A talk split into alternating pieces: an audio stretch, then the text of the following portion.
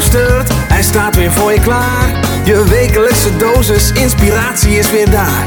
De allerleukste gasten geven al hun kennis prijs. Met je veel te blije host, hij praat je bij. Zijn naam is Thijs. Thijs, Thijs, Thijs, Thijs, Thijs. 100% Thijs. Ja, er is hij weer. Een nieuwe aflevering. Ditmaal met Roderick Gutgens. En Roderick Gutgens is auteur van het boek Teamability. Die ik nu zo voor de camera houd. Voor uh, de, het geval je dit op YouTube checkt. En dat boek Teamability. Dat gaat over. Nou, laat ik gewoon de ondertitel voorlezen. Uh, zo vorm je extreem gemotiveerde teams. Nou, waar haalt Roderick dan die wijsheid vandaan? Als je het hebt gezien aan de layout van het boek. Dan raad je het wellicht al uit um, de commando's. Dus zeg maar de elite troepen van Defensie. De Navy SEALs. Daar is Roderick zijn hele leven al gefascineerd door geweest. En die teams die presteren beter dan gemiddelde teams in het bedrijfsleven. Die teams presteren misschien wel als beste ter wereld. Dus het analyseren waard. Wat kunnen wij daarvan leren in ons eigen team. Dus je hoort het al, dit interview gaat meer over teameffectiviteit en teamgeluk, zo zou je kunnen misschien kunnen stellen, dan uh, persoonlijk geluk in je persoonlijke leven. Alhoewel, Roderick legt ook de link tussen jouw gezin als team. En, uh, en hoe zou je dat uh, wellicht effectiever kunnen aanpakken. Het zijn namelijk een aantal hele simpele wetten die uh, toegepast worden door de Navy SEALs en commando's. En als die goed worden toegepast, dan heb je een waanzinnig team met gemotiveerde leden, met een goede cultuur, met uh, een focus op het gewenste resultaat en dan ook met goede resultaten. Nou, wat dat is, dat ga je ontdekken in het interview van de expert Roderick Gutgens. Heel veel plezier. 100% wijs! Nou, allebei vers van vakantie. Jazeker. Want uh, nou, jij bent net een paar weken weg geweest. Ik ben net een paar weken weg geweest. En nu met, met frisse energie en zin beginnen we weer aan het werkende leven. Precies. Op deze maandagochtend. En hoe mooi kan het dan zijn dat je dan gewoon hier begint? Ja, ja voor, voor jou. Dat, ja. Je, dat je bij de podcast begint. Ja, ja precies. En, en, voor mij ook. Ja, precies. Ik, uh... Vandaag is mijn eerste werkdag weer. Ja. En dan begin je gewoon hier. Nou, hoe mooi kan dat zijn? Dit is nu werken, nu we dit is werk. zijn. Man, wat is dit werk? Wat mogen we ons toch gezegend uh, voelen. Um, ja, uh, Roderick Gutgens zit tegenover mij, maar dat weet de luisteraar al door de intro die hiervoor zit. En uh, Roderick, wat wil jij worden als je later groot bent? beroemd. Heel beroemd. Nee, ik wilde vroeger altijd... Ik had twee dromen. Ik wilde vroeger of Apache helikopterpiloot worden... of ik wilde commando worden. Ik ben het alle twee niet geworden, maar dat ja. was de droom. Ja. En ik, je bent auteur van het boek Teamability. En, Ja. en je legt de link tussen de commando's en, en gewone teams zeg maar, in het bedrijfsleven. Ja. Uh, en ik had verwacht, er komt hier een beer van een vent komt, uh, komt binnen. Uh, Oh. Nou, je ziet er hartstikke fit en gezond uit, maar je bent geen veer van een vent. Niet? Oh. En, en ik denk, er komt ook wel echt wel iemand die misschien wel de, nou, stoer slash boos uiterlijk heeft. Maar jij, jij komt juist heel erg, heel erg vriendelijk en, uh, en, nou, dank. en lief en zorgzaam over, wil ik bijna zeggen. Wat was de vraag? Ja, dat was de vraag. Zullen we het daarbij laten dan? Ja.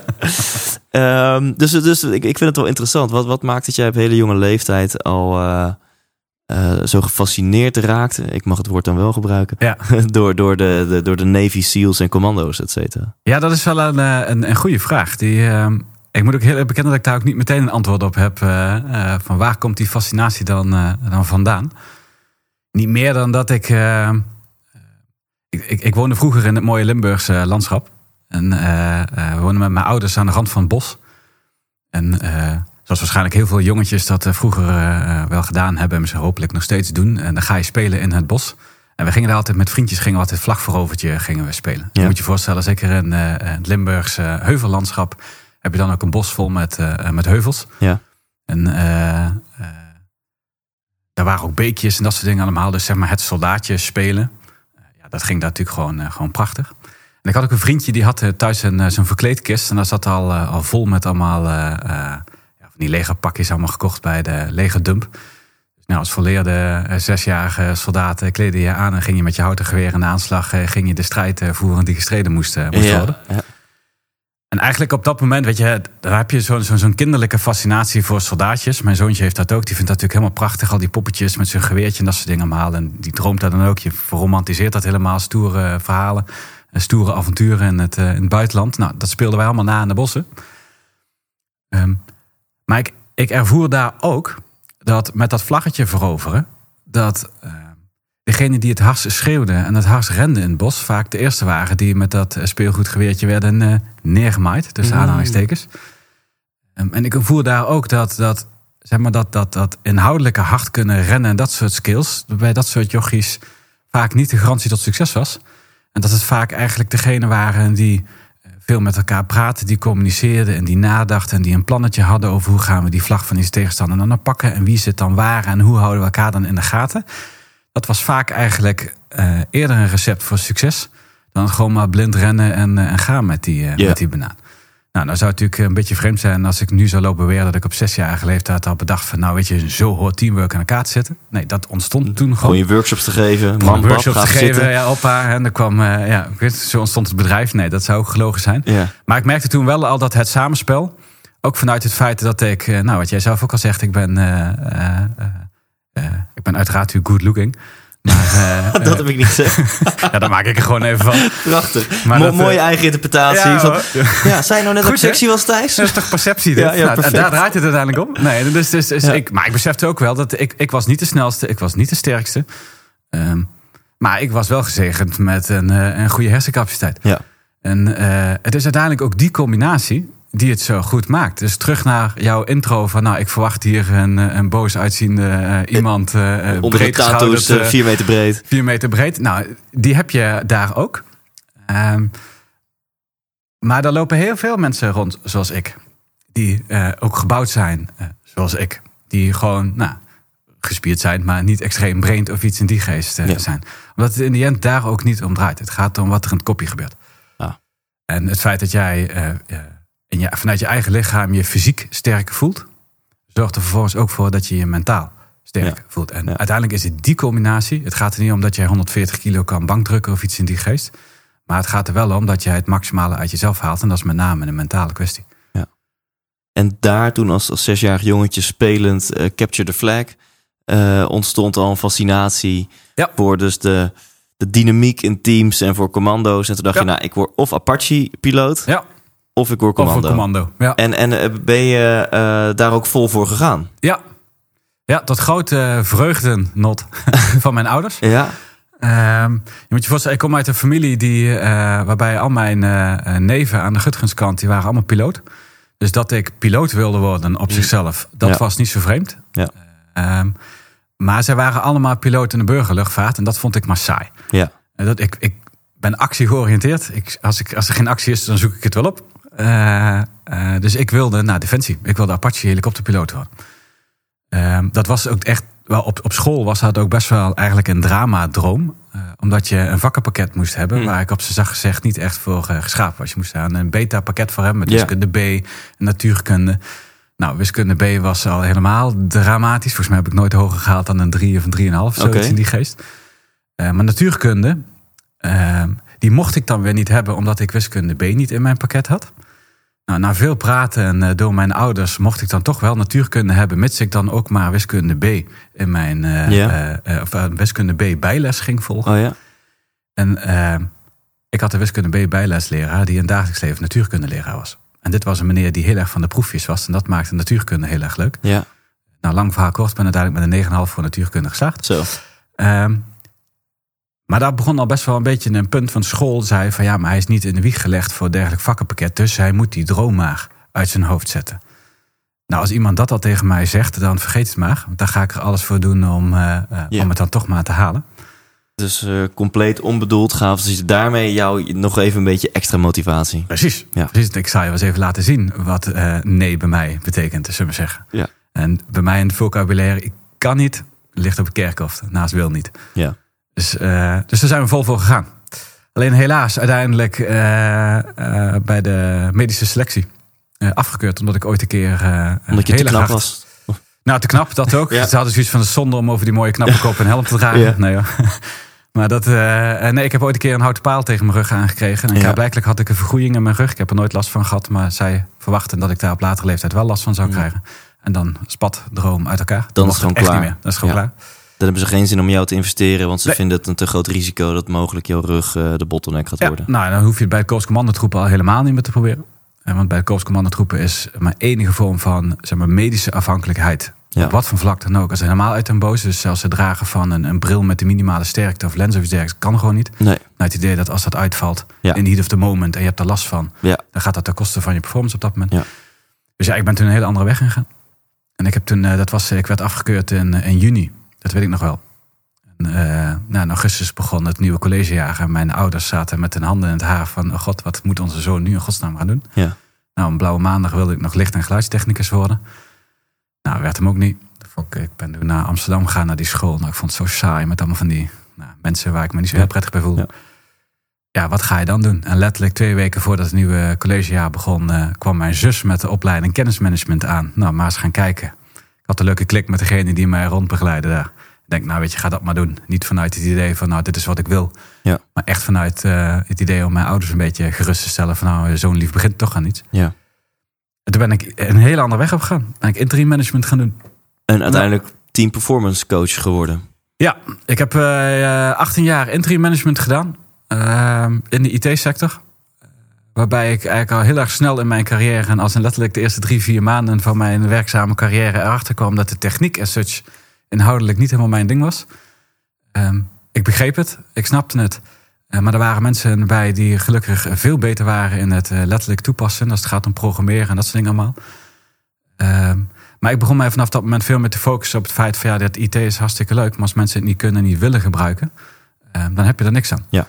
Ehm, dus ik begon eigenlijk na drie, vier maanden in mijn carrière begon ik al de stappen te maken richting eh, eh, het verandermanagement, het implementatiemanagement en dus eigenlijk veel meer naar organisatie en mensen en de vraag hoe zet je dingen nou optimaal eh, in. Ja. En dat is gedurende de 18 jaar in mijn carrière is dat nou ja, van heel simpel naar heel groot en heel complex gegaan. Met echte focus op de vraag hoe haal je het maximale uit mensen en uit teams. En volgens mij was het bij een, een, een gesprek, een soort van onderhoudsgesprek bij een van je klanten, dat ineens het idee ontstond om, om echt al jouw kennis van en teams en jouw fascinatie voor commando's te gaan combineren. Ja, het is. eh, weet je, van jongs af aan heb ik altijd gelezen rondom het, eh het Korps Commandotroepen, de Navy SEALs en de Korps Mariniers en Delta Force en weet ik hoe ze allemaal mogen Ja. heten. Ehm, en die fascinatie is eigenlijk nooit, nooit weggegaan. Ook nadat ik eh, werd afgekeurd en die eh, eh, carrière niet ging bewandelen, is de, de fascinatie voor hun wel gebleven. Alleen wat mij heel erg opviel was dat het is een hele gesloten wereld. Dus het merendeel van de boeken en, en, en, de artikelen die je leest, die vallen allemaal een beetje onder het, het Clint Eastwood-achtige niveau. Weet je, spannende verhalen van stoere mannen en kijk mij eens heel erg gaaf zijn. Ja, En dat is leuk om te lezen. Weet je, het geeft best een kick. Het is best gaaf om een dergelijk soort inkijk te krijgen in die wereld. Maar vanuit zakelijk perspectief kun je er niet zo heel erg veel mee. Dus ik heb jarenlang ben ik blijven zoeken en blijven lezen over hoe krijg je het in godsnaam zover dat gewoon normale mensen zoals jij en ik, die ook gewoon pijn voelen, die ook emoties hebben, die ook gewoon bloeden, die als een wespen steekt dat ook gewoon voelen en pijn hebben. Hoe krijg je die zover om ja, die extremiteit aan missies te doen die zij doen? En niet omdat ze het moeten, maar omdat ze het willen. Ze hebben daar bewust voor gekozen. En uiteindelijk is er zelfs zeg maar de, het pakken van Bin Laden. Is Mhm. eigenlijk het eerste echte hardcore verhaal geweest over de Special Forces wereld die echt naar buiten is gekomen. Ja. Van, van A tot Z. Waarin je dan kunt lezen, en dan heb ik het even niet over de fantastische Hollywood eh, films die er zijn geweest, maar er zijn ook een paar hele goede boeken over geschreven. Waarin je dan kan zien hoe dat dan in zijn werk gaat. En dat vond ik fascinerend, want het viel mij op dat wat zij gebruiken aan technieken, tussen aanhalingstekens, en hoe zij dat voorbereiden. Ik begon mezelf de vraag te stellen: en wat is dit dan nou anders dan wat wij in het bedrijfsleven nodig hebben? Als we praten over agility en flexibiliteit en wendbaarheid en je constant maar aanpassen aan Ja, veranderende ja. omstandigheden. Ja. En zo werd op een gegeven moment die fascinatie van een klein jongetje, eh, schieten leuk in het bos, capture the flag, allemaal dat soort dingen. Maar werd op een gegeven moment sloeg het om naar meer de zakelijke kant van hoe doen ze dit nu? ja. En eh, voordat je verder gaat, kan je misschien heel aan de luisteraar uitleggen wat nu het verschil is tussen een gewone soldaat en een commando of een special force. Ja, dat, het, het, ja dat, ik, ik ben heel voorzichtig, moet ik eerlijk bekennen, in het beantwoorden van die vraag. Omdat ik zelf niet uit die defensiewereld kom en dus op dat vlak ook niet praat eh, vanuit een eigen ervaring. Ja, Eh, dus dat zeg ik maar even erbij. Wat je ziet is dat een, een, een, soldaat, een gewone soldaat, zullen we zeggen, die pakt het, het, het conventionele Ja. op. Ehm, waarbij er heel veel zaken van tevoren al duidelijk zijn. En binnen die kaders gaat Ja. zijn soldaat acteren. Ja. En overigens vergis je er niet in hoe complex dat nog steeds kan zijn. En wat dat dus ook vraagt van een soldaat. Special Forces die gaan naar situaties toe waarin eh, de kaders waarbinnen die opdracht moet plaatsvinden eh, veel minder eh, scherp zijn. En waarbij het risico op, op een afbreukrisico in termen van een mislukte missie, eh, en misschien zelfs in de meest extreme variant, zelfs eh lijfelijke consequenties kan Ja. hebben in termen van dood of, of, of eh, Ja. verwondingen, vele malen groter zijn. En daar worden zij ook op, eh, op getraind. Dus het is een hele andere type mens wat je zoekt. Het is een hele andere type training wat je zoekt. En daarmee dus ook een hele andere type organisatie dan wat je vaak bij conventionele Ja. Ja. soldaten ziet. Ja, en, Maar dat is even mijn interpretatie. ja, en, en een missie voor Special Forces is dus bijvoorbeeld het vinden en eh, vangen van Osama Bin Laden. En ik denk dat iedereen daar wel een beeld bij heeft. Hoe complex zoiets is. Ja. En, eh, Ja. Ja. En dat is dat.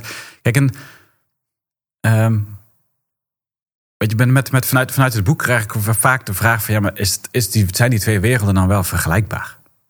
Eh, en dan is mijn standaard antwoord, nou ja, eigenlijk nee. Nou, goed, eh, goed verhaal. Totdat je heel even, zeg maar, de sausjes van defensie en dat soort dingen er even van af gaat halen. Als je kijkt naar vandaag de dag, bijna iedereen heeft wel, zowel eh, zakelijk als privé, hebben wij constant te maken met een constante flow aan veranderingen. De dag van vandaag lijkt in de verste verte niet meer op de dag van eh, morgen. Door alle technologische vooruitgangen, dat noemen ze ook wel het butterfly effect, ja. kan het gewoon bijna letterlijk zo zijn dat de vlinderslag van een vlinder ergens in Azië kan uiteindelijk een storm veroorzaken hier in Nederland. Alleen alles wat daartussenin zit is zo groot en zo complex en zoveel, is dat dat niet meer te voorspellen valt. Of dan inderdaad die vleugelslag ervoor gezorgd heeft Ja. dat wij hier een storm hebben. En wat wil ik daarmee zeggen is dat die verandering gaat zo hard eh, en, en, en zo groot, daar hebben we gewoon mee te dealen. En dat betekent dat alles maar afkaderen en dan binnen die kaders je dingetje doen. En dan maar verwachten dat er niks verandert. Ja, dat is er niet meer bij. Ja. En dat is in het persoonlijk leven is dat zo. En dat is in het zakelijk leven. Boksen het merendeel van de bedrijven daar natuurlijk elke dag opnieuw tegenaan. Dat die markt waarin zij werken, die branche waarin ze zitten, hun mensen, de vragen van hun klanten, die verandert van dag tot dag Ja. tot dag. En is het dan zo, want als je zegt ik haal de lessen uit de Special Forces, uit commando's en die haal ik naar het bedrijfsleven, dan zou je verwachten dat ehm, blijkbaar commando's misschien wel een van de best functionerende teams ter wereld zijn. Ja, dat is Eh, wel mijn overtuiging. Ja, zeker dat is jouw overtuiging. Ja. Ja. En nou, uiteraard gaan we het zo dadelijk over hebben wat dan dingen zijn die we daarvan kunnen leren. Ja. Ehm, en jij bent toen dus die, die twee werelden samen gaan brengen. Ja, ja vanuit, eh, vanuit die omslag van, die, van, die, van die, nou, de meer avontuurlijke fascinatie naar de zakelijke fascinatie, eh, begon ik ook op een andere manier naar die wereld te kijken. En dus ook eh, behoefte te krijgen aan andersoortige artikelen. die lastig verkrijgbaar zijn. En op een gegeven moment ben ik een beetje connecting eh, dots eh, gaan doen. En er is een basisplaatje uitgekomen. Ja. En eh, ja, ik heb op een gegeven moment maar gewoon een stukje de brutaliteit gehad als, als outsider. om met dat plaatje ook maar eens de bühne op te gaan, letterlijk. Vanuit de beleving van, nou, ik als outsider, als ik naar die wereld kijk, volgens mij zit het zo in elkaar. En dat is uiteindelijk in 2015 begonnen omdat ik een boek las van, eh, van een Amerikaanse Navy SEAL, echt een true American War hero. eh, echt vol met allemaal, weet ik wat, van eh, plaatjes en, en, en, en, en, weet je die dingen? Medaillons en weet ik wat nog meer allemaal. ja. Maar zo'n echte, weet je wel, zo'n echte leider die niet alleen maar een goed plan heeft, maar gewoon ook vooruit gaat vanuit de leading by example. En als pointman vooraan gaat, dat als er toch een kogel komt, vangt hij hem als eerste op. Weet je wel, echt zo'n true American hero. Ja. En hij heeft een boek geschreven over leiderschap en teamwork binnen de Navy SEALs. Eh, waarbij hij, voor zover hij dat kan, na twintig jaar ervaring daar, maar dat defensielaagje van de SEALs er vanaf heeft gehad. En toen bleef er een kern over. En dat was eigenlijk het eerste echte boek dat ik dacht van, ah, zo doen ze dat dus. En dat boek, dat bleef maar ratelen in mijn hoofd. En ik heb ooit een keer een coach gehad die zei van... Joh, als je iets niet kan loslaten, schrijf het op. Ja. Eh, dan ben je A, je gedachten niet kwijt... maar dan creëer je in ieder geval in je hoofd weer even wat ruimte voor, eh, voor nieuwe dingen. Ja. Eh, dus schrijf het nou op, en dan kun je vandaag uit wel weer verder kijken... wat je er verder Ja. wil. Nou, goed idee. Alleen dat opschrijven, dat werd een half boekmanuscript. dat was iets meer dan, eh, dan drie, vier eh, pagina's. En dat boekmanuscript, dat, dat begon... en het was nog helemaal niet het idee om daar een boek van, van te maken. Maar ik ben wel met dat verhaal toen de bühne opgegaan. En ergens in 2000, eind 2017 moet dat zijn geweest, ja. Werd ik uitgenodigd op een congres. Een congres voor programmamanagers. Ja. Voor degene die niet helemaal weten, programmamanager is iemand die zeg maar, strategische veranderingen doorvoert uh, binnen het bedrijfsleven. En dat was een uh, congres dat ging over van wat kunnen programmamanagers nou van de special forces leren in termen van agility, flexibiliteit en wendbaarheid. Want strategische keuzes is heel erg leuk, maar als je een strategische keuze maakt voor de langere termijn, moet je nog steeds rekening houden met het feit dat de dag van morgen weer anders is. Dus ja. hoe ga je daar dan mee om? Er werden acht mannen uh, keynote speakers opgeleid. Zeven mannen uh, die echt uit het uh, Special Forces wereld zelf komen of daar nog actief dienend waren. En ik was de achtste die die achtergrond niet had. Maar wel een idee had van nou, als outsider van buiten naar binnen, hoe dat dan werkt. Ja. En ik had het geluk dat daar op dat moment een van de keynote speakers was de toenmalige compagniescommandant van 104 uh, commandotroepencompagnie. Ja, die was wel gecharmeerd van mijn verhaal. Hij vond het heel herkenbaar. Dus dat was natuurlijk al wel, uh, wel fijn om te horen. Overigens zijn letterlijke woorden was bij de kennismaking van je hebt me niks nieuws verteld. Nou, en bedankt. Ja. Yeah. maar hij, hij, herkende het en hij heeft mij toen uitgenodigd naar Roosendaal, naar de kazerne. Hij zegt, het vast wel leuk om een keer te zien. En laten we eens doorpraten over leiderschap en teamwork. En zo is eigenlijk een, een, een, in eerste instantie een soort samenwerkingsverbandje is er ontstaan met hun. Uh, waarbij we een soort deal hadden. Dat ik uh, nog steeds, toen was er nog geen sprake van het daadwerkelijk uitgeven van een boek, maar wel meer inzage kreeg in hun keuken. Over hoe gaan zij dan om met leiderschap en teamwork. Hoe, hoe werkt dat dan als je dan zo extreem onder druk staat? Maar hij wilde de andere inzicht namelijk ook. Namelijk dat inzicht van buiten naar binnen vond hij ook wel heel erg interessant. Omdat hij letterlijk ook zei van ja, weet je, we kunnen natuurlijk heel erg constant naar onszelf lopen kijken, maar dan veranderen we niks. En dat is net hetzelfde een beetje als de slager die zijn eigen vlees keurt. Ja. Dus een verse blik van buitenaf kan geen kwaad. En toen hebben we heel veel gesprekken gehad. Ja, daar ontstond een, een, een, een, een samenwerkingsverband die uh, ook de vrijheid creëerde om eens wat andersoortige vragen te gaan stellen. En uh, ja, ik had wel heel erg behoefte om het ook eens een keer te ervaren. Ik mocht meegaan, ik mocht mee observeren bij, uh, bij trainingen mocht praten met, met uh, uh, dienende operators. Maar ik wilde het ook een stukje ervaren. Dus op een gegeven moment heb ik in april vorig jaar heb ik, uh, meegedaan aan de, wat ze dan een heel lief woord noemen, de kennismakingsdagen. Maar dat is gewoon zeg maar, het eerste driedaagse selectiefestival, uh, zeg maar zeggen. Nou, ik heb er nog spierpijn van. Kun, kun je daar eens over vertellen? hoe, hoe het er, eraan toe gaat op zo'n kennismaakdag? Nou, het zijn drie dagen. Ja. Het is, vroeger was het, wat ik begrepen heb, was het inderdaad gewoon echt letterlijk, daar komt de naam ook vandaan, een kennismakingsdag. Gewoon kennis maken. Dan kon je een beetje zien, een beetje kijken, een beetje voelen, een beetje proeven. Um, maar wat ze zagen op een gegeven moment daar ook, en overigens dat is dus ook wel echt een eigenschap van de korpscommandotroep, is dat bij alles wat ze doen, is dat ze het constant evalueren en zichzelf de vraag stellen: kan het beter? Ja. Dan dat we het hebben gedaan. Ja. Um, ze kwamen er op een gegeven moment achter dat de drop-out rate tijdens de opleiding heel hoog was. En uh, dat ze er ook achter kwamen dat uh, een substantieel gedeelte van de mensen die weggingen, op een gegeven moment weggingen vanuit de reden van ja, maar dit is eigenlijk niet wat ik ervan had verwacht. Ja, ja. En vanuit die learning hadden ze zoiets van ja, misschien moeten we de kennismakingsdagen wat breder inzetten. We ja. moeten ze wat meer laten ervaren over wat hun te wachten staat. Zodat ze veel wel overwogen die keus maken ja. om de opleiding in te gaan. En geloof mij, de kennismakingsdagen zijn al zwaar. Maar dat is nog niets vergeleken met uh, de opleiding zelf. Terug naar jouw vraag, hoe zien die dagen er dan uit? Um, dat is niet te voorspellen. Je begint met het enige wat je van tevoren weet, is dat er een aantal fysieke eisen zijn. Uh, waarop je getoetst wordt aan het begin van uh, de kennismakingsdag. En als je die al niet haalt, dan is het gewoon na twee uur al, uh, al exit. Ja. En daarna moet je het over je heen laten komen. Want dat is namelijk de wereld van. Ja, en we willen natuurlijk voorbeelden horen. Ja. Heb je, heb je weet ik wel, 10 kilometer moeten tijgeren? Wat, wat, wat is er gebeurd? Nou ja, je, gaat, je, je, begint, met de, je begint met de fysieke testen. dat is gewoon de, nou ja, echt de, de traditionele push-ups, pull-ups, sit-ups. Ja. Uh, en uh, de Cooper-test. Wat is het? geloof 2,6 kilometer in 12 minuten. Ja. en dat lijkt niet veel, maar dat is best verdomde zwaar. Ja. daar begin je mee. En daarna ga je naar het kamp.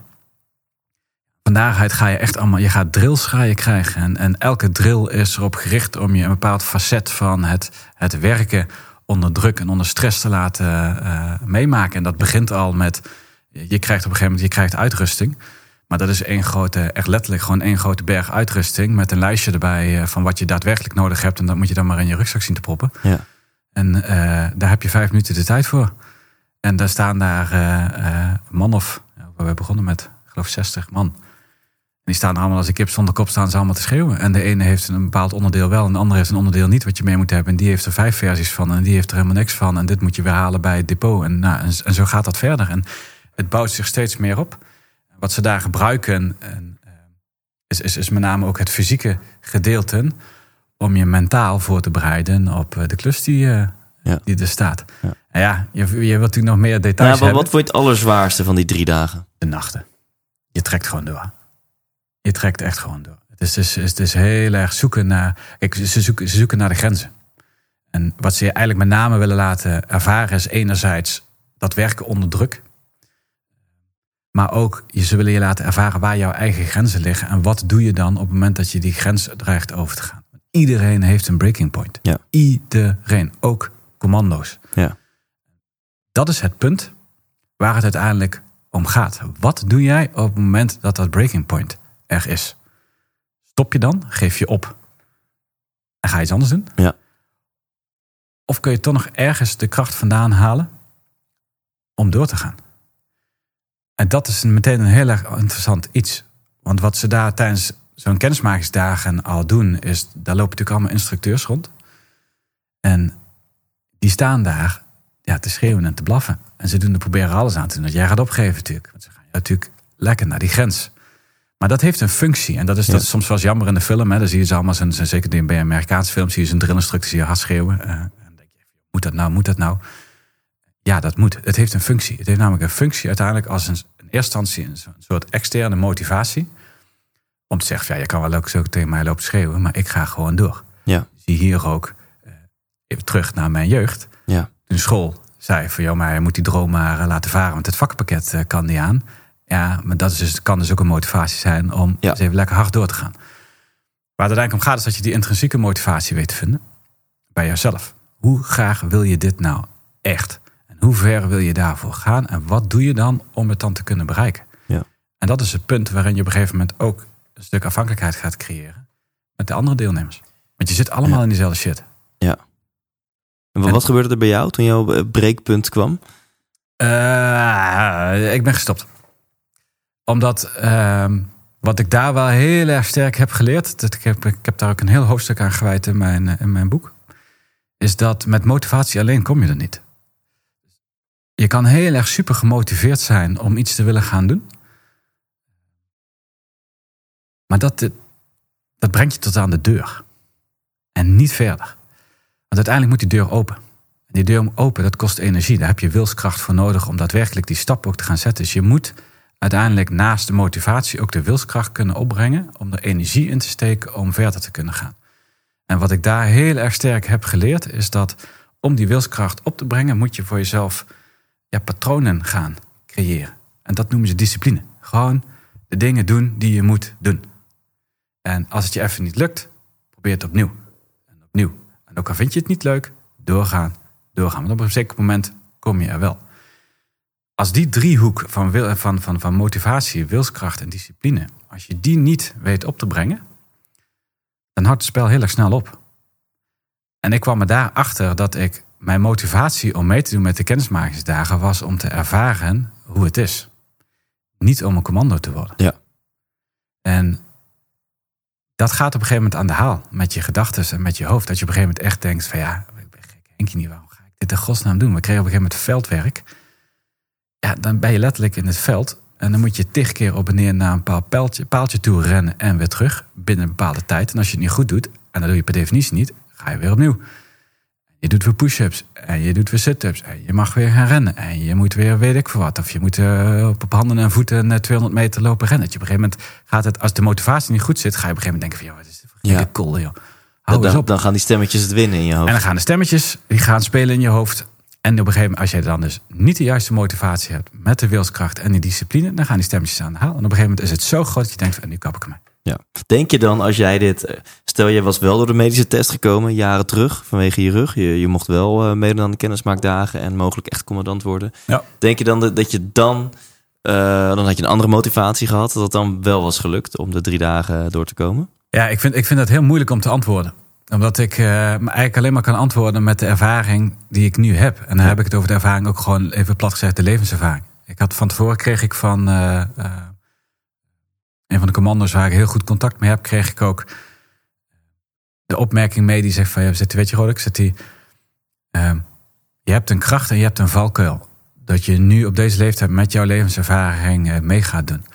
Zit jouw kracht en jouw valkuil tegelijkertijd, zegt hij, is die levenservaring. Heel veel mannen die hier instappen, zit die, die zitten hier met die volle motivatie en ik wil commando worden. Ja. En die ontdekken hier of ze dan ook de uh, wilskracht en de discipline hebben om Ja. dat te voorkomen. En dat Ja. is prima. En voor de rest staan ze er niet bij stil.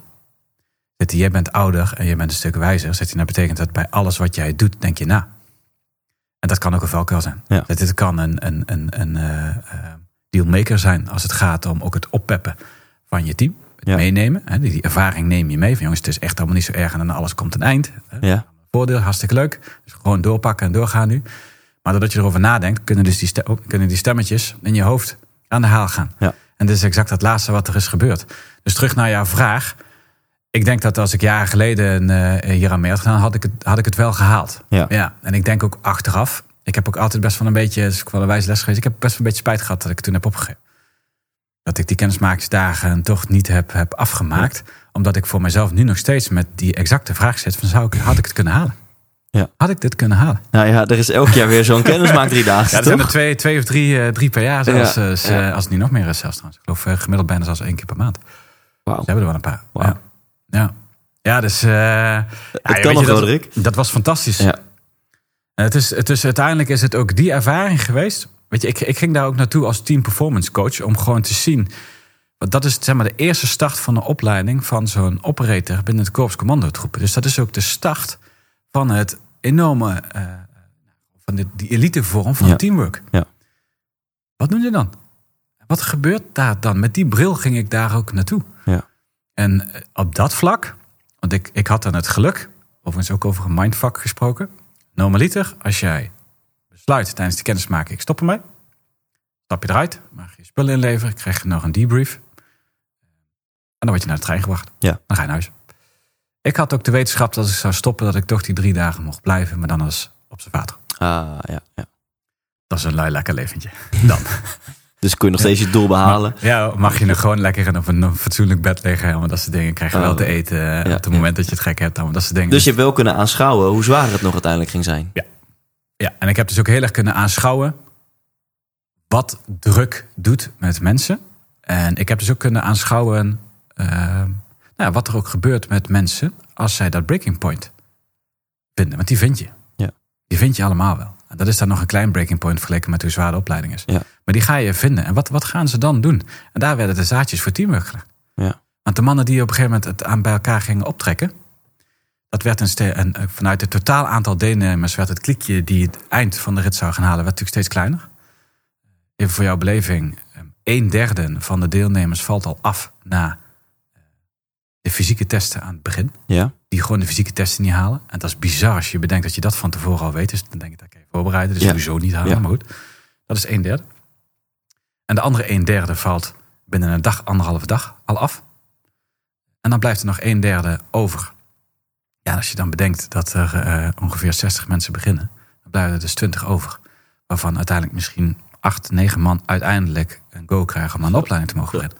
Maar wat je ziet is dat als het dan wat zwaarder wordt, die kliekjes van mensen die aan elkaar gaan optrekken en elkaar gaan helpen, die worden ineens heel intens. Ja.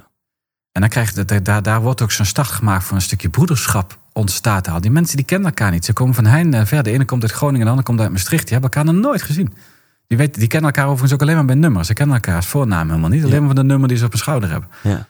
En daar ontstaat dan dat stukje teamwork. En dat vond ik heel fascinerend om te zien. Want daar ontstaan op een gegeven moment patronen die passen in relatie tot datgene wat ze op dat moment willen bereiken. En dat wist ik van tevoren eigenlijk al wel een beetje vaag in mijn hoofd. Maar daar vielen mij de kwartjes over van, ah, het draait bij het korpscommandotroepen niet sec alleen maar om het leren schieten en bommetjes leggen en deuren opblazen. Tuurlijk, hè, dat is plat gezegd Mhm. Kern van hun, eh, van hun werk. Maar dat is net als dat voor jou een laptop een middel is om je werk te kunnen doen. Is dat, dat, is dat voor hun ook een middel? En zo'n middel moet je kunnen hanteren, dat is prima. Maar het feit dat jij als individu heel goed kan schieten, betekent dan niet automatisch dat als je met drie, vier man in een kamertje van zes vierkante meter staat, dat je dan ook nog steeds goed kan schieten. Ja. Want de kans dat je dan iemand anders soms een donder schiet, is natuurlijk heel groot. En dat vraagt in één keer hele andere skills. Communicatieskills, uh, leiderschap. Ja. En wat ik op een gegeven moment bij die kennismakingsdagen zag ontstaan, was dat het Korps Commandotroepen heel erg sterk bezig is met het bouwen van een cultuur. Die past bij de aard van de werkzaamheid. En dat vond ik wel een heel interessante. Want toen ging ik het terugpakken naar het bedrijfsleven. Denk ik, nou, het bedrijfsleven probeert een cultuur neer te zetten waarvan ze graag willen dat de buitenwereld wil dat ze zo gezien worden. Maar dat is andersom, denken. Want de vraag of die cultuur dan past bij de aard van de werkzaamheden die je hebt als bedrijf, ja, dat is een heel andere vraag. En dat is in 9 van de 10 gevallen niet het geval. En dat vond ik wel heel erg fascinerend om te zien. Hoe ontstaat dat dan? Want je start zo'n kennismakingsdagen op een station. Dan staat er zo'n zo, zo, 10 tonnen truck waar je ingeladen wordt. Je Ja. zo'n nou, truck uit film, hè, waar je achterin Ja, wordt je ingeladen. Troepenvervoer. En dan staan 60 mannen en vrouwen die elkaar niet kennen. Wat gebeurt daar? Want die trucks zijn hoog. Iedereen heeft tassen bij zich. Dat moet allemaal ingeladen worden. En die commando's die erbij staan, het enige wat die doen is checken van beide. En voor de rest zoeken het uit. Je in de truck zitten en vertrekken zo. Wat ontstaat daar? En je ziet dan dat als vanzelf in zo'n groep, en dat is in elke groep mensen is dat zo, ontstaan er gewoon patronen. Ja. Patronen van leiderschap, een stukje patronen in termen van communicatie. Hoe praten we met elkaar? Een soort proces, procedure, afspraken beginnen te ontstaan. In dit geval van, nou, hoe laden we die zo in in de, in de trucks? Dat ontstaat. Ja. Als vanzelf. Hoef je niks voor te doen. Alleen maar een paar mensen bij elkaar zetten. Maar dat is cultuur.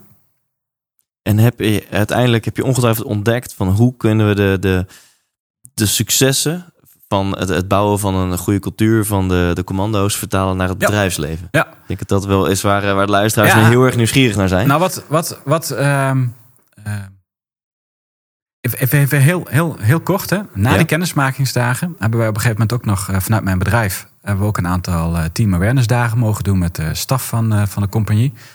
Dus ze krijgen nog meer inkijken in die keuken.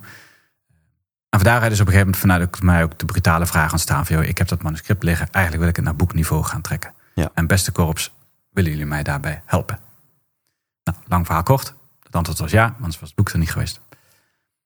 Dat heeft ertoe geleid dat ik een hele reeks aan interviews heb gehouden van hoog tot laag in het, in het korps. Eh, Dat ik nog meer heb mogen observeren bij, eh, bij oefeningen en trainingen. je hebt eigenlijk twee jaar lang een all-access pas gekregen. ja, nou, het is niet helemaal all access, maar het- hij is verder gegaan dan de gemiddelde andere die buiten de poort staat. Ja. Dus daar ben, ik, daar ben ik ook wel heel blij en heel trots op dat ik dat voor elkaar heb gekregen.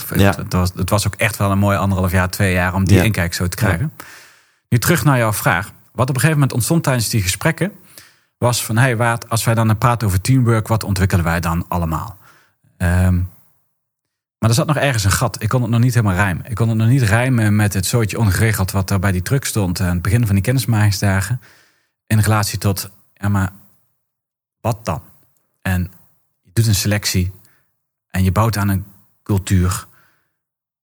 Wat dan? Je, je kunt niet zomaar zonder met iedereen van de straat plukken en zeggen, nou, als je commando wil worden, ben je welkom. Nee, daarvoor is die selectie daar en daarvoor is die opleiding zo gruwelijk zwaar. Om ervoor te zorgen dat ik de juiste mensen heb om dat werk te doen. Ja. Tijdens die gesprekken kwam op een gegeven moment naar voren dat het korps werkt heel erg sterk met kernwaarden. Kernwaarden zegt eigenlijk niks over wat ik doe, maar wel hoe ik dingen doe. Ook dat wist ik eigenlijk al wel een beetje. Maar eerlijk gezegd, ik heb al zo vaak dingen gehoord en gelezen over kernwaarden. Als ik het woord kernwaarden hoor, dan krijg ik er al jeuk van. Ja. Het is echt zo'n marketing- en recruitment eh, term. Ik ook het terug wat ik al eerder zei. Dat wordt ook vaak voor marketing en recruitment ingezet. En daar wordt met name eigenlijk een beeld mee gecreëerd van wat we graag zouden willen zijn. En dan met name een commercieel oogpunt. Ja. Niet vanuit een oprechtheid. En daar zat het verschil. Daar zat exact het verschil eh, ten opzichte van de Korps Commandotroepen. Zij hebben op een gegeven moment, een jaar of zes, zeven geleden, hebben zij eh, de moeite genomen om de kernwaarden, die er per definitie altijd zijn in elke groep, in elke organisatie, in elke club, zijn er per definitie kernwaarden. Ja. Maar zij zijn ze expliciet gemaakt. En omdat ze ze expliciet zijn gaan maken, zijn ze dat ook gaan koppelen aan houding en gedrag. Als ik dan een kernwaarde heb van trots, om een kernwaarde te noemen, wat voor een houding en gedrag verwacht ik dan van mijn operator? Als ik een kernwaarde heb van trouw, Wat voor houding en gedrag verwacht ik dan van mijn operator? Daar selecteren ze op. Dat willen ze namelijk zien. Tijdens die kennismakingsdagen al moet het al in potentie aanwezig zijn. Dat is Ja. wat ze namelijk willen zien. Ja, en tijdens de opleiding wordt dat er nog meer uitgehaald en Ja. naar boven gebracht en ook verder door ontwikkeld. Niet vanuit het idee dat iedereen zich daar dan maar elke dag 100% helemaal aan die kernwaarden houdt. Maar het is een referentiekader. En met name het is een moreel kompas. Waar je elke dag, bij alles wat je doet, bij elke beslissing die je neemt, of dat nou gaat om de dagelijkse gang van zaken, als het gaat om het openhouden van de kazerne, Ja. tot aan de missies en de operaties die ze in verder orde eh, doen. Elke stap die zij doen, wordt weer terug afgezet eh, eh, tegenover die kernwaarden. En als ze merken dat ze een beslissing nemen die indruist tegen die kernwaarden, Ja. dan doen ze het of niet, of ze doen het wel overwogen. Dus als je als bedrijf als kernwaarde hebt, ik maar wat transparant of integer. Ja. Wat natuurlijk Of elk nog, bedrijf. nog- zullen we nog een jeukding erin gooien? Ja. Ondernemerschap. Ja. Oh, ja, ik ja. word Integriteit en ondernemerschap staan bij ons hoog in het vaandel. Ja. Maar dan zou je dus moeten nadenken welke houding en gedrag Ja. eh, past hierbij. En daarop gaan scouten en mensen aannemen. Ja, want ik weet uit mijn eigen ervaring als interim manager... heb ik natuurlijk ook heel vaak te maken gehad met eh een sollicitatieproces. En vaak besteedde ik dat dan uit gewoon aan de HR-afdeling of iets dergelijks. Die, die deden dan de eerste initiële dingen. Tot op een gegeven moment ook wel merkte dat ik mensen kreeg... dat ik denk van ja, maar je bent inhoudelijk wel heel sterk. Maar je bent helemaal geen teamplayer. Ja. En bedacht ik bij mezelf, denk, wat gaat er in het selectieproces dan niet lekker? En eh, toen ben ik ook eens een paar keer bij gaan zitten. En dat viel me wel heel erg op bij heel veel bedrijven waar ik heb gezeten. Is dat dan vaak zo'n selectieproces wordt gedaan op de inhoud. Ja. Ik heb dan heel veel in de IT-sector gewerkt, waar je dan veel eh, zoekt naar onder andere naar infrastructuurmensen en, en programmeurs. En ja, je initiële vraag als bedrijf begint dan van, nou weet je, ik zoek iemand die ervaring heeft met, eh, weet ik wat, JavaScript programmeren, noem maar wat. Dus ik ga op zoek naar iemand die kan JavaScript programmeren. En dan krijg ik een cv waarin staat dat iemand al 20 jaar JavaScript kan programmeren. Ja, dat is fantastisch. Maar hoe ga ik dan nou, pardon, hoe ga ik nu toetsen dat het ook een teamplayer is? Want ik vind het fantastisch dat je JavaScript kan programmeren. En geloof mij, als je op gesprek mag komen, geloof ik al wel dat je dat kan. Ja. Want dat staat in je cv. Ja. Maar ik wil in het gesprek wil ik weten wie jij bent. En hoe ga je dan om met stress? Hoe ga je om in teamwork? Hoe ga je als jij in een team moet spelen en je moet een keer een beslissing accepteren die misschien niet jouw beslissing is geweest, maar je zult het wel gewoon moeten gaan uitvoeren? Wat gebeurt er dan? Word je dan een pain in the ass? En ga je gewoon anti-gedrag laten zien? Of zeg je van, nou oké, prima, ik slik het in. eh, teamdoel voorop. En nou, jammer dan dat ik het persoonlijk vanuit mijn ego eh, niet zo'n goed plan vond, maar we gaan het toch doen. Ja, en dan de prangende vraag voor, voor iedereen die, die, die, die wel eens mensen moet aannemen. Eh, hoe check je dat in de sollicitatieprocedure? dan naar te vragen. En dus te kijken naar wie is nou echt daadwerkelijk die persoon achter dat cv. En een gemiddeld cv staat op de voorpagina, staat vaak in twee, drie alinea staat wie iemand is. En de rest van het cv van 20 pagina's staat in wat iemand heeft gedaan. En wat heeft iemand gedaan is allemaal de inhoudelijke skills. Dat is prima. Uiteindelijk is in mijn beleving in het hele HR-traject... is met name die twee, drie alinea's aan het begin van je cv... die zijn het belangrijkst. En daar moet je de vraag, waaruit blijkt dat dan? Als jij dan zegt, nog zo'n jeukterm... ik ben een ontzettend goede teamplayer. Ja. Waaruit blijkt dat dan? Wat doe jij dan? Dus als iemand zegt, ik kan goed omgaan met druk en stress, Ja. dan is de vervolgvraag... Waaruit blijkt dat dan? Geef mij dan eens een voorbeeld waaruit dat dan blijkt. En wat je veel ziet in die sollicitatieprocessen... is dat het heel snel terug weer terugzakt naar de inhoudelijke skillsvraag. Waaruit blijkt dat je goed kan JavaScript programmeren? Hoe ga je dan om met de JavaScript eh, eh, eh, complexiteit X, Y, Z? Ja. Hoe zou je dat dan doen?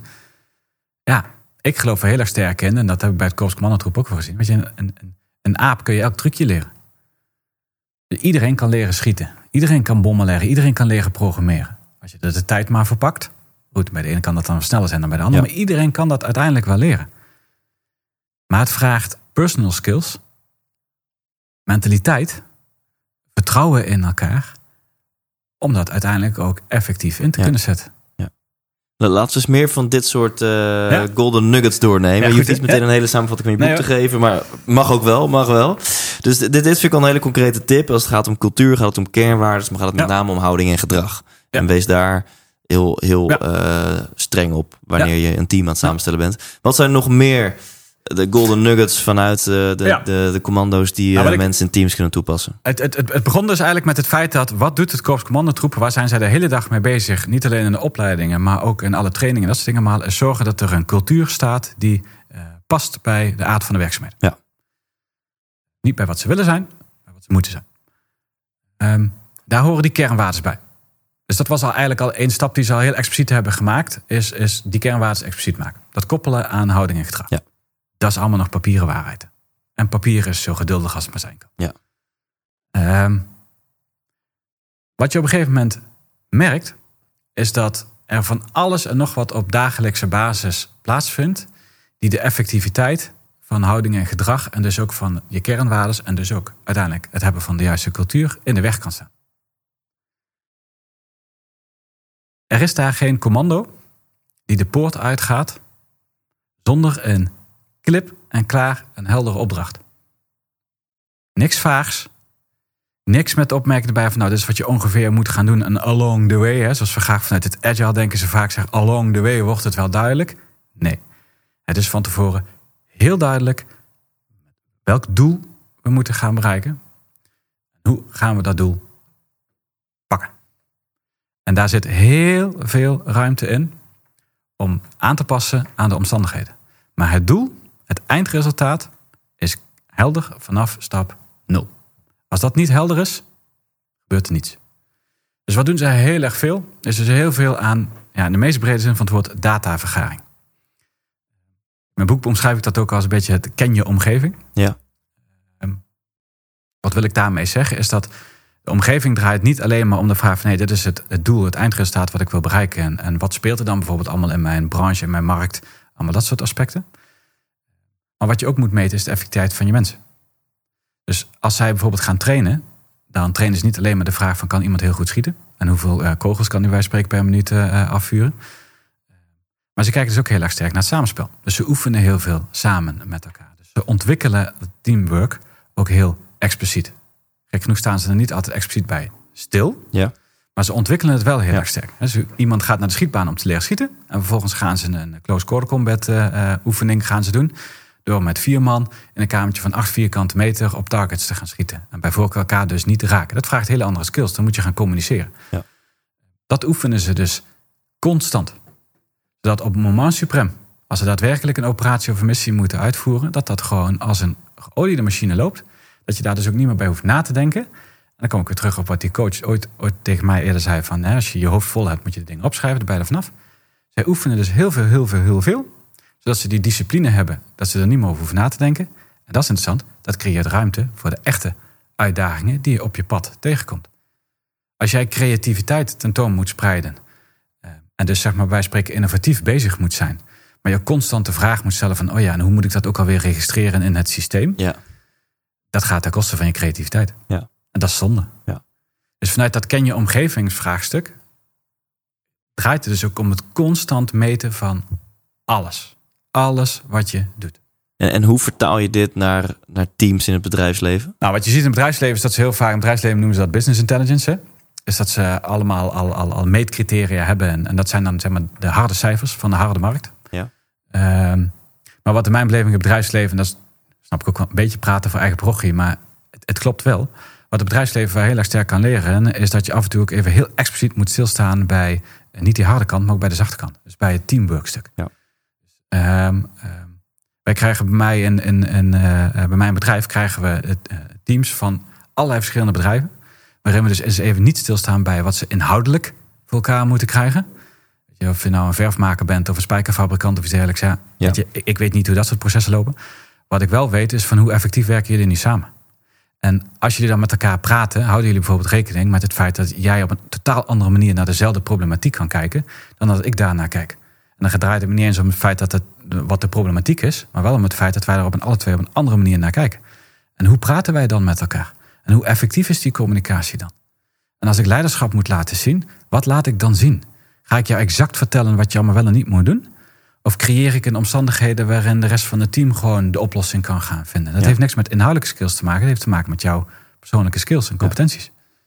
En dat is wat zij dus ook meten. Hoe effectief is dat dan dus? En dat mag het bedrijfsleven, in mijn beleving, wel veel en veel meer doen. Het bedrijfsleven is heel erg resultaatgeoriënteerd. En in mijn beleving te weinig mensgeoriënteerd. Ja, wat ik heel vaak zeg tegen bedrijven ook is wat mijn beleving zou moeten begrijpen is dat het bereiken van een resultaat is een resultante. Het is een resultante van effectief samenwerken. Het is het resultante van het feit dat mensen al hun capaciteiten hebben ingezet in samenwerken met elkaar, wat, heeft, wat leidt tot het resultaat. Ja. Het zijn mensen. En een, een ander belangrijk eh, thema, omgaan met verandering, flexibiliteit. Hè, dat is natuurlijk waar elk team, elk bedrijf mee te maken heeft. Maar Ja. Dit is een podcast in principe ook over persoonlijke ontwikkeling. Ook in het leven maak je Ja. tegenslagen mee. Ja. Wat, wat kunnen wij, als het dan gaat om omgaan met veranderen, wat kunnen wij dan leren van commando's? Ja, ze hebben een enorme mentaliteit. En mentaliteit is ook e- echt een van hun cultuurpijlers. Ehm, ehm, ik denk dat iedereen kent wel op een gegeven moment die opmerken van geef nooit op. En eh, dat zullen ze dus ook niet doen. Hebben, weet je, de buitenwereld, ik heb wel eens een hele discussie gehad met de korpscommandant over het feit dat eh, eh, de buitenwereld wel eens eh, eh, eh, roept van ja, maar ze kunnen daar een roosdag in nee zeggen. Ze doen het altijd maar. En, ehm, maar het tegenovergestelde is waar. Ze kunnen wel degelijk nee zeggen. Alleen ze worden opgeleid met het feit... er is altijd een oplossing te verzinnen. Dus ze worden opgeleid met een can-do mentaliteit. Hoe moeilijk de situatie ook is, hoe hard die ook is... ze worden altijd opgeleid met het idee... er is altijd een uitweg. En is, is, is dat. En die wat- is er dus ook Ja, altijd. Dus, ja. dus, dus, dus als het gaat, het gaat om, om, om een stuk attitude. Met welke, op welke manier stap jij in die wedstrijd? En eh, eh, daar zie je wel eens vaak, en dat, dat, dat heeft vaak, als je vanuit het individueel stuk, heeft het ook wel met, met, met ego's te maken. Zij zijn, natuurlijk, er lopen daar mensen rond, te werken daar, ik geloof, 600 of 700 mensen op die, eh, op die kazerne. Waarvan er 200 of 300 zijn er daadwerkelijk eh, commando met een groene beret. Denk nou maar niet dat het daar altijd allemaal pais en vree is. En dat die mensen het altijd allemaal maar heel erg goed met elkaar overweg kunnen. Dat, dat, dat bestaat niet. Dat kan nergens, dus daar ook niet. Zo'n walhalla is er echt niet. Nee. Maar ze hebben wel een aantal zaken. Is dat ze die opleiding hebben ze gezamenlijk. Ze hebben die opdracht die heel scherp is. Dus er is een gemeenschappelijk doel. Een heel duidelijk en heel scherp gemeenschappelijk doel. Ja. En vervolgens gaan zij daarop in. Waarbij ze zeggen van ja, ik kan heel veel vinden. Maar het draait om de vraag, wat vinden wij? Dus ego kent daar ook in principe geen plaats. En als je toch naar boven komt drijven, heb je de kernwaarden weer. Ja. En de kernwaarden zorgen als moreel kompas ervoor dat ik jou erop kan aanspreken. Als je zegt van ja, maar je gaat nu een keuze maken, is voor jou misschien beter, maar voor het team niet. Ja. Die keuze gaan we niet maken. En dat zijn aspecten die het bedrijfsleven wel echt kan leren. Is, is dat, dat, dat ego, er is daar geen, tijdens het voorbereiden van een operatie en een missie, er bestaan geen verborgen agenda's. Dat kan ook niet. In hun geval is dan natuurlijk ook de consequentie als het fout gaat heel groot. Ja. Maar dat kan ook niet. Als die er wel namelijk zijn, gaat dat dus per definitie ten koste van de performance en dus ook van het bereiken van je resultaat. En als het dus gaat om mindset, wat mij betreft is je mindset gewoon een optelsom van je overtuigingen. Dan, dan is het een hele belangrijke overtuiging bij hun. Er is altijd een oplossing. Er is altijd een oplossing. Ja. Ja. Even, ik moet dit, dit kan. Zet even pauze. Dan gaan we daarna af. Ehm, ik, ben, ik ben heel nieuwsgierig. De, ehm, de mindset van er is altijd een oplossing. Zou je dat ook mensen aanraden eh, als, als belangrijkste mindset of manier om om te gaan met tegenslagen in je persoonlijke leven? Ja, zeker weten. Op het moment dat je die mindset namelijk hebt, ehm, dan, worden, dan, dan, dan worden problemen in je leven worden gewoon een uitdaging. Dat lijkt een beetje een, een beetje semantisch eh, iets. Eh, maar het feit dat er, het, het besef dat er altijd wel een oplossing is, zorgt er ook voor dat je met een positieve eh, invalshoek die uitdagingen te lijf gaat, hoe zwaar ze ook zijn. En ehm, weet je, je ook niet in, in, in het feit, daar mogen ook emoties en dat soort dingen bij zijn. Hè? Ik, zag bij het Korps Commandotroepen, ik heb ze ooit een keer, heb ik ze allemaal knuffelberen genoemd. Dat eh, eh, vonden ze volgens mij niet zo heel erg grappig eh, vanuit die, eh, eh, dat beeld van die brede mannen. Ja, ja. Ehm, maar het zijn allemaal, het zijn gewoon doodnormale mensen. Die vanuit die attitude die ze dan hebben van, en we gaan ervoor en we geven niet op. Want er is altijd wel een oplossing te Ja. vinden. En zo, zo, zo, zo stappen zij dus ook het leven in en hun operaties ook, ook in. Hoe moeilijk of hoe zwaar het ook is, er is altijd een uitweg. Ja, je noemt in een bijzinnetje, noem, noem je iets heel belangrijks wat mij betreft. Er mag wel ruimte zijn voor emoties. Tuurlijk. Want, als je, als je ehm, ontdekt dat je kanker hebt En iemand zegt tegen jou, hé, hey, maar er is altijd een oplossing, hè? Nee, Ik klopt. denk dat je op zo'n moment denkt van, ja, donder op met Nee. je oplossing. Eh, Nee, dat klopt. Kijk, dus, dus ik. ehm, er is. Er, er zit een. een, een ied- iedereen heeft bij elke situatie een bepaald gevoel. En dat zit in je onderbuik. En dat gevoel, dat, dat is er gewoon. En bij de ene voelt iets prettig en bij de ander vindt iets heel spannend. En die vindt, nou weet ik veel wat hij ervan eh, van vindt. Ja. Ehm, en dat gevoel is er gewoon. Nou, ik, zal, ik zal er niet helemaal diep op ingaan, maar dat is een hormonale kwestie. Doe je dus helemaal niets aan. Dat gevoel is er. mhm. Wat je met dat gevoel doet, dat is emotie. En dat is een keus. Dus je mag verdrietig zijn. Je mag balen. Eh, nou, in jouw extreem voorbeeld van iemand heeft, heeft kanker. Dat is wel een heel extreem voorbeeld. Ehm, daar horen gewoon gevoelens bij. En die gevoelens mogen er zijn. En dat is ook een van de redenen waarom dat je ook nooit iemand mag aanvallen op zijn gevoel. Want ja, even heel plat gezegd, iemand kan helemaal niks doen. Dat gevoel is er nou gewoon. Ja. Maar wat die met dat gevoel doet, de emotie die daar dus bij houdt, het houding en gedrag, dat is een hele andere vraag. Je Ga je bij de pakken neerzitten? Ja. Of zeg je van, oké, crap, dit overkomt me. Wat zijn de opties en wat kan ik er dan van gaan maken? Ja, ik, ik hoor jou de begrippen gevoel en emotie uit elkaar Ja. trekken. Dat vind ik interessant. Dus je zegt gevoel is een normale kwestie, kun je vrij weinig aan doen. Maar vervolgens maak je een keuze, wat ga ik met dat gevoel doen? En dat noem jij emotie. Dat noem ik emotie. Maar dat is wat je ziet. Ja. Dat is wat je ziet. Dus je ziet iemand reageren, je ziet iemand acteren. Ja. En wat wij heel vaak bij teams ook, ook zeggen is van ja, er, er gebeurt iets in het team. Er wordt een bepaalde beslissing genomen of het loopt ergens richting een bepaalde beslissing of een discussie gaat niet helemaal lekker. Je voelt het vijandig, whatever. Je voelt er iets bij. Ja. De eerste stap is dat jij dat gevoel op tafel legt. Als wij met elkaar zitten te praten en jij stelt een vraag en ik denk, ja, wat moet ik daar nou mee? Of die vraag wordt vanuit mijn interpretatie, vanuit mijn perceptie, eh, interpreteer ik dat als een vijandige vraag. Dan kan ik daar meteen op gaan reageren. Maar dat is dan een perceptievraag. Misschien heb jij het helemaal niet vijandig bedoeld. Ja. Maar komt het er nou net even zo uit, om wat voor reden dan Ja. ook? Maar bedoel je dat met de beste, beste intenties? Ja. Dus dat, maar het levert, en dat is, dat is het interessante. Dus in mijn boek omschrijf ik dat in het hoofdstuk rondom vertrouwen. Ehm, vertrouwen is ook is zo'n onderbuikgevoel. Ja. Dat is een gevoel. Weet je, je praat met elkaar, je doet dingen met elkaar. Dat is al heel belangrijk, onthoud deze even, kom ik zo op terug. Je doet dingen met elkaar en dat levert een bepaald gevoel op. En dat gevoel zorgt ervoor, vertrouw ik jou, ja of nee? Alleen de pest is, dat gevoel is niet meetbaar. Ja. Dus bij zo'n vraag, maar hoe creëer ik dan vertrouwen? Kan ik met gevoel helemaal niks. Want het gevoel is er nou eenmaal, doe ik niks aan. Hormonaal, hartstikke leuk. Maar als je bedenkt dat dat hormoon wat in jou rondzwerft, dat is het eh, eh, eh, hormoon, dat heet, hoop dat ik het goed uitspreek, oxytocine. Ja. Of in de volksmond ook wel bekend als liefdeshormoon. Ja. Ofwel het relatiehormoon, ofwel het hormoon wat loskomt op het moment dat iemand anders iets bij jou doet. Ja. Daarom kunnen mensen wel degelijk sterven van eenzaamheid. Want het is namelijk ook een hormoon die heb je nodig om te kunnen leven. Alleen Ja. het hormoon komt in je lichaam pas los als iemand anders iets bij je doet. Ja. Nu wordt het interessant.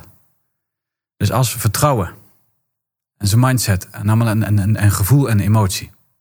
Als dat voortkomt vanuit het rondzwerven van allerlei hormonen, die alleen maar loskomen omdat iemand anders iets bij jou doet, zit daar dus een prikkel waar je aan kan werken om aan vertrouwen te kunnen gaan werken. En dus om met dat gevoel en die emotie dus ook overweg te kunnen gaan.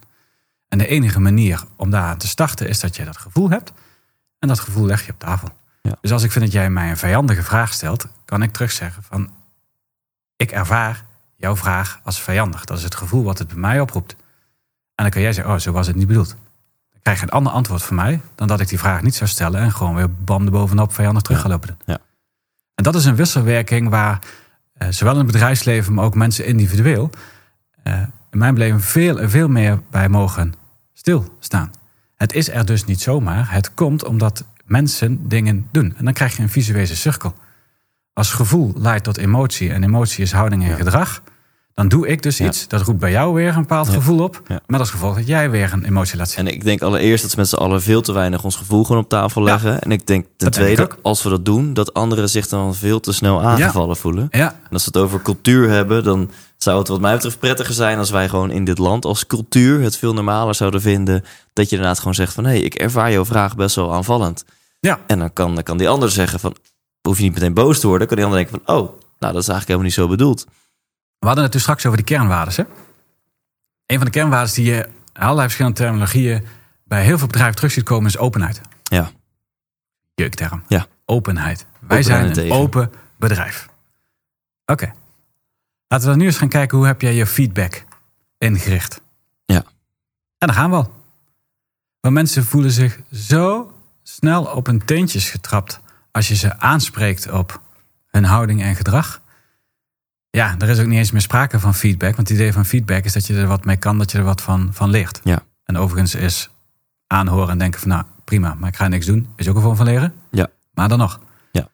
Maar op het moment dat ik jou feedback geef, omdat ik jou iets zie doen waarvan ik denk van nou, volgens mij loopt dat niet helemaal lekker. Ja, het merendeel van de bedrijven begint de vijandigheid aan te ontstaan.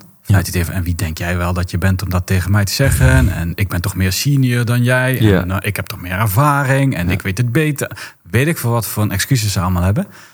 Overigens ook zo'n mentaliteitskenmerk. Geen excuus. Ja. Er is geen excuus. Ja. Excuus is zonde van je energie. Vind ik zelf. Tenzij je echt iemand zwaar beledigd hebt. Dan moet je excuses aanbieden. Maar dat is meer iets vanuit Ja, netheid. even, even een heel stom eh, cliché, concreet voorbeeld. Stel je komt te laat door X, brug stond open, file, wat dan ook. En dan zeg ik tegen jou, je komt te laat. Dan is een excuus als jij zegt, ja, maar de brug stond open. Ja. Wat is dan het alternatief? Dat je gewoon zegt, ja, klopt, ik ben te laat. Nee, dat je eerder van huis gaat. Je weet toch welke weg je moet wandelen? Dat is eigenaarschap pakken. Je gaat Ja. van huis, je hebt een afspraak. Ik kom uit Lisse. Ik moest vandaag hier in Amersfoort zijn. En ik weet dat ik de A1 af moet, die druk is bij rondom Amersfoort. Ik weet dat ik Lisse uit moet rijden in de zomerperiode waar we de Lisserbrug hebben. Nou, voor zover je daar nog geen ervaring mee hebt, raad ik hem ook niet aan. Want het kring staat om de havenklap open en kost dus heel veel tijd. En waar normaal gesproken de routeplanner zegt vanuit Lisse naar Amersfoort is het 53 minuten rijden, weet ik dat ik er al rustig minimaal 20 minuten bij kan optellen. Dat weet ik dus. Ja. Dus daar kan ik op voorbereiden. Dus dat is een stuk voorbereiding. Komen we weer terug op die attitude, mentaliteit, dus discipline. Ik kan de discipline opbrengen om me voor te bereiden voor datgene wat ik ga doen. En nou, gaat, nou, nou, nou is de grap is, je hebt het ook over zo'n ding als integriteit. Ik heb op een gegeven moment heb ik ook bij de commando's ook mij hadden ze op een gegeven moment een hele leuke oefening. Dat is een oefening die uiteindelijk draait om eerlijkheid en eh, integriteit. Je moet je voorstellen, bij alle oefeningen krijg je de shit over je heen. Hartstikke leuk om die druk op te voeren.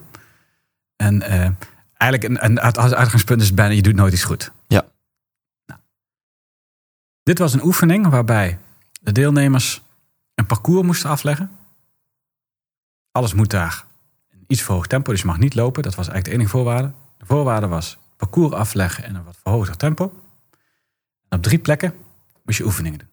Plek 1, 30 sit-ups. Plek 2, was het 15 of 16 pull-ups. Ja. Plek 3, eh, eh, 40 eh, push-ups geloof ik. Iets in die geest. Meer niet, dat was de opdracht. Iedereen Klinkt kijkt- afzichtelijk. Ja, klinkt afzichtelijk. Iedereen zit al te kijken of zit er geen time, eh, timing aan. of Nee, dit moet je gewoon doen.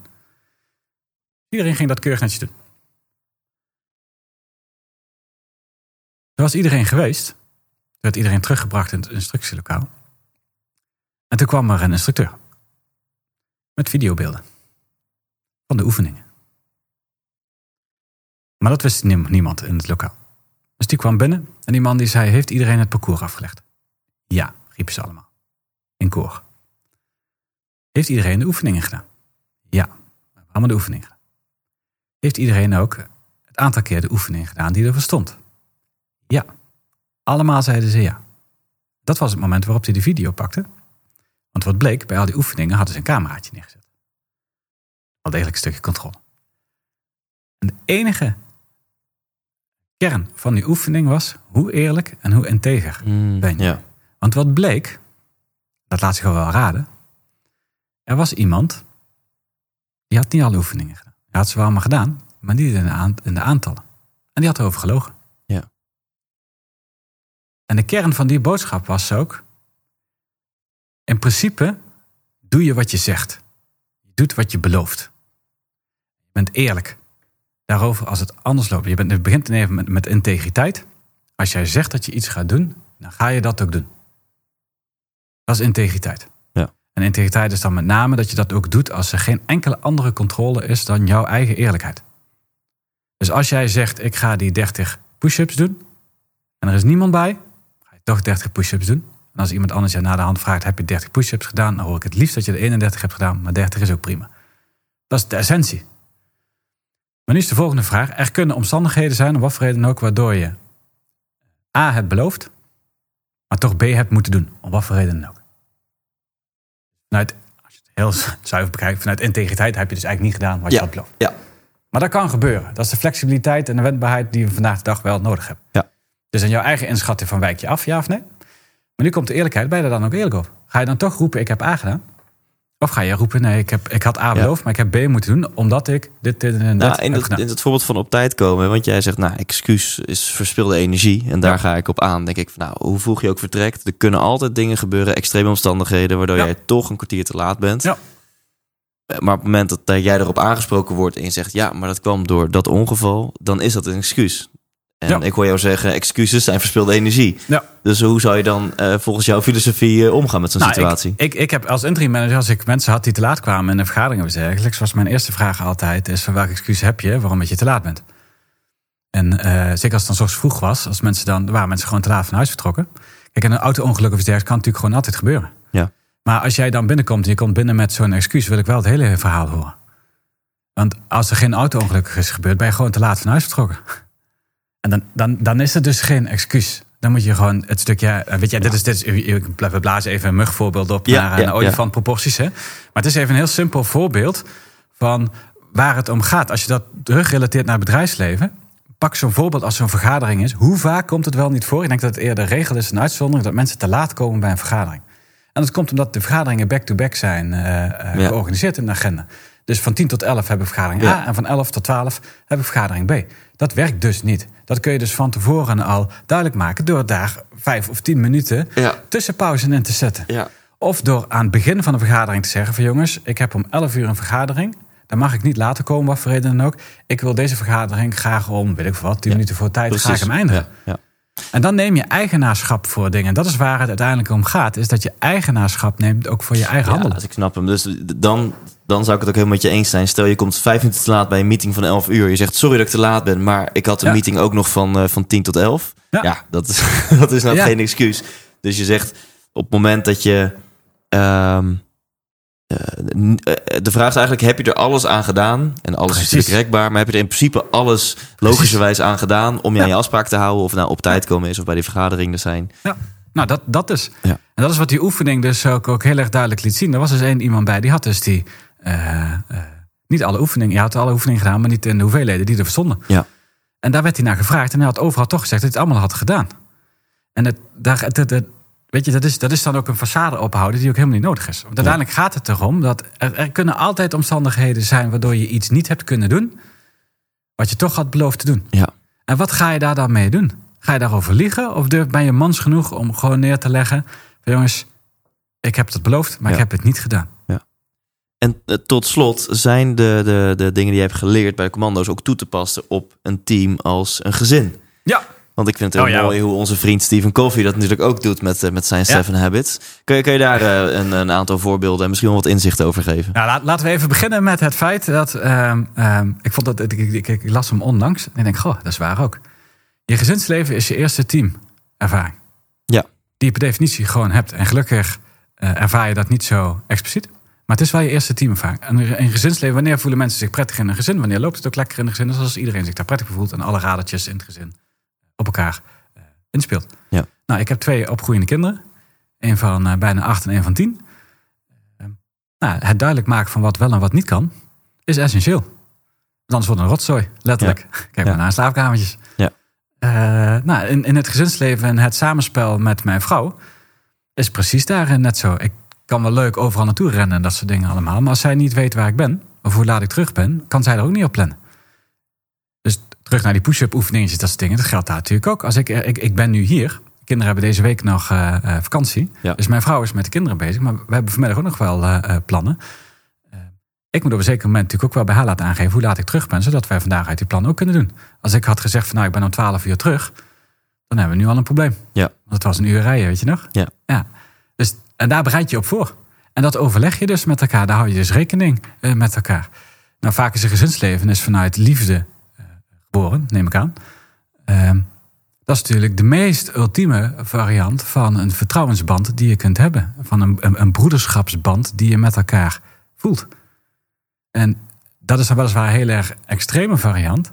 Maar als je naar de essentie daarvan gaat kijken, is dat niet zo heel veel anders dan wat je in een team en zakelijk leven ook nodig hebt. Dus ja, ik geloof heel erg sterk in dat dat soort aspecten in een weliswaar een totaal andere context en setting in een gezinsleven ook werkt. Anders werkt een gezinsleven ook niet. Kijk maar naar wanneer zijn gezinnen ontwricht. Is als dat soort elementen, als het vertrouwen er niet meer is. Je pakt een, een extreem voorbeeld. Als er misbruik is in een, in een gezinsleven, nou dan is er weinig sprake van vertrouwen. Laat ja. wij zijn. Ja. Dus de, de, de, dezelfde, ook weer zeg maar kernwaardes in, in een gezin is natuurlijk heel belangrijk. Ja. Iedereen zich aan zijn afspraken houdt. Ja belangrijk voor het vertrouwen in het gezin. In het gezin is belangrijk dat mensen hun gevoelens kunnen uiten. Dus de openheid. En, en dat die openheid wordt, uh, dat daar uh, goed mee om wordt gegaan. Ja. ja, mijn dochter spreekt ons daar ook best wel. Uh, weet je, als, als ouder zijn, dan heb je heel vaak een beetje de neiging om bepaalde zaken. nou, ouder onderling te houden en je kinderen daar niet bij te betrekken. Nou, dan hebben wij een dochter die graag van alles nog wat op de hoogte is. Dat scheelt dan ook nog wel. en die dat ook interessant vindt. Maar die spreekt ons daar ook wel eens op aan. Die zegt gewoon ook letterlijk tegen ons van papa en mama er is iets gebeurd en daar hebben jullie emoties bij. Dat mag je best laten zien. Want dat mogen wij toch ook. Als wij pijn hebben of, of iets lukt niet of iets dergelijks, hebben wij daar ook emoties bij. En jullie leren ons altijd dat we dat op tafel moeten leggen. Want dan kunnen we van daaruit kijken, kunnen we er wat aan doen. En dan moeten jullie dat ook wel blijven doen. En dat vind ik ook een heel interessant. Dat is ook voorbeeldgedrag. In een team, of dat nou een gezin is, of een zakelijk team, of een commandoteam. Je hebt een voorbeeldgedrag naar elkaar. Je kunt niet van iemand anders iets verwachten als je het zelf niet doet. Je, je kinderen wortels geven terwijl jij een hamburger loopt te eten. Ja, maar. Dat uh, precies. gaat niet worden. Ja, nou ja, een prachtig voorbeeld. Ja. En, Dat is, eh, dus, en dat zie je dus in het gezinsleven, zie je dat dus inderdaad heel erg sterk terugkomen. En ja, een goed lopend gezin is natuurlijk een fantastisch team. Ja. En eh, tot slot, dat vind ik een leuke vraag. Ehm, we hebben het veel over geluk in deze podcast. Uh, misschien is niet iedereen zit in een team zakelijk of geeft leiding aan een team, maar iedereen op zoek naar zijn of haar persoonlijke vorm van geluk. Ja. Um, wat kunnen we wat jou betreft leren van de commando's als het gaat om het bereiken van persoonlijk geluk? Uh, en, en, wel een paar zaken. Eén is leg wat speelt op tafel. Ja. Zolang je dat niet doet, mag en kan je ook niet verwachten. Opkroppen maakt ongelukkig. Opkroppen maakt echt ongelukkig. Ja. ja. En zolang je dat niet op tafel legt, kun je ook niet verwachten dat iemand anders je erbij helpt. Ja. Uh, dus dat is ook een stuk eigen verantwoordelijkheid nemen en daarin is door het op tafel uh, te leggen. Mooi.